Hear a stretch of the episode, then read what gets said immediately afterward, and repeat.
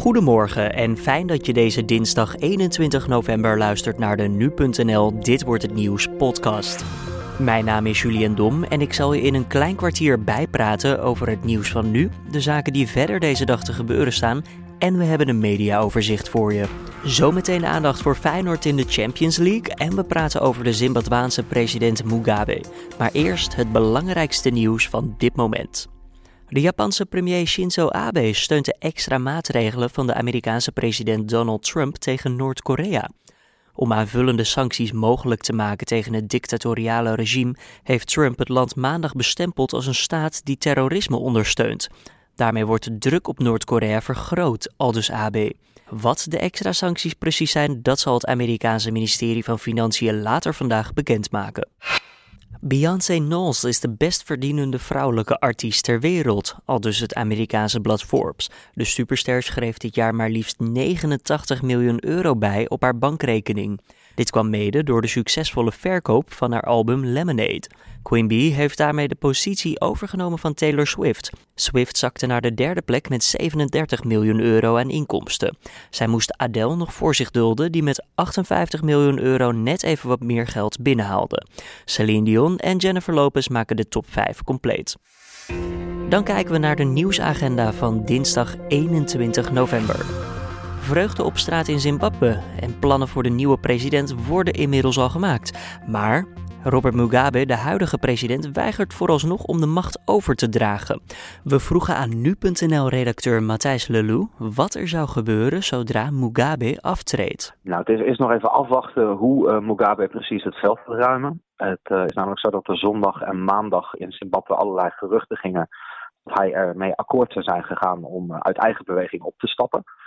Daarna heeft hij zich weer bedacht en uh, kondigde hij aan dat hij in ieder geval van plan is om nog tot het partijcongres van uh, ZANU-PF, de regeringspartij, in december te blijven zitten, zodat hij daar nog voorzitter kan zijn. En ZANU-PF heeft aangekondigd dat ze een afzettingsprocedure tegen Mugabe gaan starten als hij niet opstapt. dus hoe het er nu naar uitziet is dat zij die afzettingsprocedure in gang gaan zetten dan uh, wordt uh, Mugabe gewoon door het Zimbabweanse parlement eruit gewerkt. Dat zal nog wel een paar weken gaan duren voordat het allemaal rond is. Dat is waarschijnlijk wat er met, met Mugabe gaat gebeuren. Ja, en het land Zimbabwe is nu in handen van het leger en de, zijn eigen partij natuurlijk, die ehm, de rug toekeert. Ja, ja de, de, de, de grote man op dit moment is eigenlijk Emerson Mnangagwa. Dat is uh, een oud Friese president die ook uh, vele ministersposten heeft bekleed. Die is al decennia lang heel machtig in de Zimbabweanse politiek. Dat uh, wordt de nieuwe president van Zimbabwe. Daar, daar wijst alles op. Ja. in, op, dat op dat partijcongres waar ik het net over had, daar zullen ze waarschijnlijk Mnangagwa naar voren gaan schuiven als presidentskandidaat voor de verkiezingen van volgend jaar. De oppositie in Zimbabwe die is in de afgelopen jaren helemaal uit elkaar gespeeld. Dus dat wordt een grote overwinning voor SANU-PF. Uh, waarschijnlijk zullen die verkiezingen ook uh, internationaal worden verwelkomd als grotendeels vrij en eerlijk. En uh, kunnen dan de economische sancties tegen Zimbabwe, die golden onder Mugabe, kunnen die worden opgeheven. Maar is dit dan ook gelijk het begin van een, een mooie toekomst voor Zimbabwe? Of zal het land nog steeds in een soort grijs gebied blijven, denk jij? Waarschijnlijk uh, zal er niet heel veel veranderen. Uh, zoals ik al zei, uh, Mnangagwa is een oude vertrouweling van Robert Mugabe. Komt een beetje uit dezelfde generatie van helden uit de onafhankelijkheidsstrijd. Zimbabwe is in 1980 onafhankelijk geworden na een lange strijd tegen een witte minderheidsregering. En uh, die generatie die domineert de Zimbabweanse politiek al heel erg lang. Uh, Mnangagwa is uh, onder andere minister van Staatsveiligheid geweest. Hij is minister van Defensie geweest. En hij geldt een beetje als de link tussen ZANU-PF en het leger en de veiligheidsdiensten. hij is niet onomstreden. Hij wordt door, door mensen uit ZANU-PF omschreven als zeer vreed. Hij, het is bekend dat hij over lijken gaat als, als hij dat nodig acht.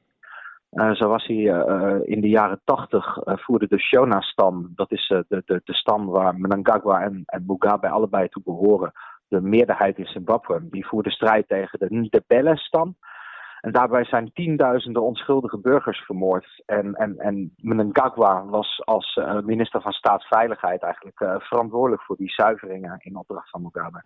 Dus dat in dat gebied is het gewoon weer een nieuw poppetje op de positie, een nieuw poppetje op de, op de stoel. Maar ja, er gaat niks veranderen de elite die er nu zit, uh, die, die blijft zitten. En dat uh, zal grotendeels hetzelfde blijven. Uh, kijk, er zullen natuurlijk wel verschillen zijn met, met Mugabe. Zimbabwe is vooral economisch gezien ontzettend in het, in het slop geraakt. En, en ze willen heel graag internationale investeringen aantrekken. Dus zowel Mnangagwa als het leger zijn nu al bezig om, om duidelijk te maken dat ze zich vriendelijk willen opstellen tegenover het internationale bedrijfsleven. Dus, dat, dus waarschijnlijk uh, gaan er wel dingen veranderen. Maar dat nou uh, sprake is van een, een, plotselinge overgang naar de democratie, dat, dat kun je niet echt stellen. Nee, nee, in ieder geval economisch gaat het vooruit. Dat zou al een wereld van verschil zijn, zeker in, in Zimbabwe, denk ik. Uh, daarbij is het natuurlijk ook dat steeds meer nieuwe nieuwtjes naar buiten komen. Zoals gisteren, maandag ook bijvoorbeeld. Een, een nou, nog niet echt met zekerheid te zeggen uh, echt nieuwtje van de CNN. Onder andere dat Mugabe zelf eventueel zou denken over, uh, ja, zichzelf zou over willen geven. Om gewoon het land aan iemand anders te geven. Ehm, en daarbij stond, wat ik dus heel opmerkelijk vond, dat hij dan volledige kwijtschelding kreeg voor al zijn daden. Is, is dit gebruikelijk? Gebeurt dat vaker? Ja, dat gebeurt vaker. Zeker, uh, bij, nou, zeker dictatoren die vertrekken bijvoorbeeld naar het buitenland uh, nadat ze zijn afgezet. Begin dit jaar nog werd in Gambia werd de president Jammeh die werd afgezet. Die is vertrokken naar Equatoriaal Guinea. je had, vroeger had je Idi Amin, de dictator van Oeganda. Die, heeft, die had geen vrienden meer over op het laatst, maar kon toch zijn laatste jaren in rust slijten in Saudi-Arabië gaan heel vaak uh, dictatoren gaan in Frankrijk wonen, waar ze vaak ook al huizen hebben. Dus dat is niet ongebruikelijk. En wat je vooral in gedachten moet houden is dat uh, Mugabe in Zimbabwe nog steeds echt een icoon is. Ik had het net al over die, die onafhankelijkheidsstrijd. Hij geldt als, als de vader des vaderlands die, die uh, het onafhankelijke Zimbabwe teweeg heeft gebracht. Dus het is niet zo makkelijk dat, dat iedereen in Zimbabwe nu tegen hem zou zijn. Want die man die, die, die heeft nog steeds een enorme geschiedenis in dat land. Hij is daar 37 jaar aan de macht geweest. Een heel groot deel van de Zimbabweanse bevolking is vrij jong. Die, die hebben nooit anders geweten dan dat hij de president van het land was. Dus eh, kijk, uh, mensen die, die, die denken wel eens dat het leger dan in kan grijpen. Nou ja, dat ze dan gewoon die oude presidenten bijvoorbeeld om het leven brengen. Maar zo, uh, zo simpel is dat niet. Je hoorde nu.nl-redacteur Matthijs Lelou. Vanavond gaat Feyenoord mogelijk een lastige avond tegemoet. Ze spelen in Engeland tegen Manchester City. In de Champions League staat City op de eerste en Feyenoord op de laatste plek in de pool. Met nu sportredacteur Riepke Bakker hebben we het over de verwachtingen voor vanavond. Uh, ik kan uh, de laatste paar mensen uit de dromen halen. halen. Ja, nee, Feyenoord is kansloos. Feyenoord gaat zonder illusies naar Manchester. Dat heeft er enerzijds mee te maken dat Feyenoord uh, dramatisch draait. 1-1 afgelopen weekend tegen VVV, eh, bijna twee maanden hebben ze alweer niet uh, gewonnen in de Eredivisie. En daarnaast, ja, Manchester City, dat is de absolute top in Europa. Nou, Feyenoord redt het niet tegen de subtop, redt het niet tegen Napoli, redt het niet tegen Shakhtar.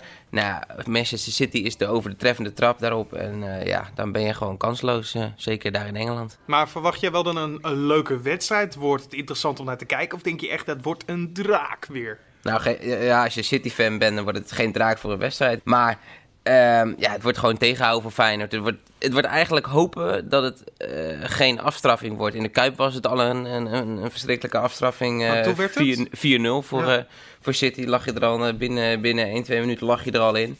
Ja, het wordt gewoon eigenlijk zaak voor Feyenoord om, om de score beperkt te houden. En zo, zo, ja, zo staan ze er zelf ook. En ze maken zich absoluut geen illusies. Manchester United is top van Europa. Ja, en dan is Feyenoord uh, ja, gewoon echt een maatje te klein. Nee, want het is natuurlijk wel... Heel veel mensen hebben het idee dat het eigenlijk nergens om gaat.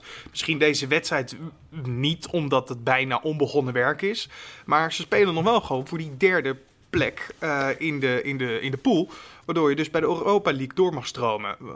hoe zie jij dat nog ontwikkelen? Denk je dat ze iets van een puntje mee kunnen slepen? Denk je dat, nog, dat het volgende wedstrijden spannend kan worden? Nou ja, het is wel een, een, een redelijk bizar poeltje waar Feyenoord in zit. Want als Feyenoord verliest bijvoorbeeld, dan zijn ze de slechtst, slechtste Nederlandse club ooit in de Champions League na vijf wedstrijden. Zijn ze nu eigenlijk ook al, maar ze delen het record nu nog met Willem II. Nou, Willem II pakte nog een puntje dan in die vijfde wedstrijd. Doet Feyenoord dat niet, zijn ze de allerslechtste van allemaal. Inderdaad, de andere kant, ze kunnen nog steeds derde worden. Napoli, hè, dat staat maar drie puntjes boven Feyenoord op dit moment op de derde plaats. Nou, Napoli speelt tegen Shakhtar Donetsk.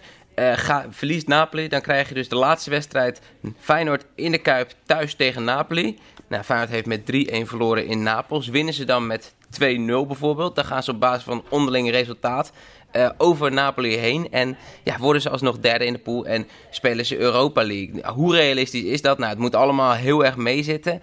Eén klein dingetje speelt er wel in mee. In Italië is Europa League iets heel anders dan in uh, Nederland. En in Italië, ja, Napoli, die speelt dit jaar echt voor de Scudetto. Zo noemen ze dat, de Italiaanse landstitel. De eerste landstitel zou dat zijn sinds 1990. Nou, dat is topprioriteit voor Napoli.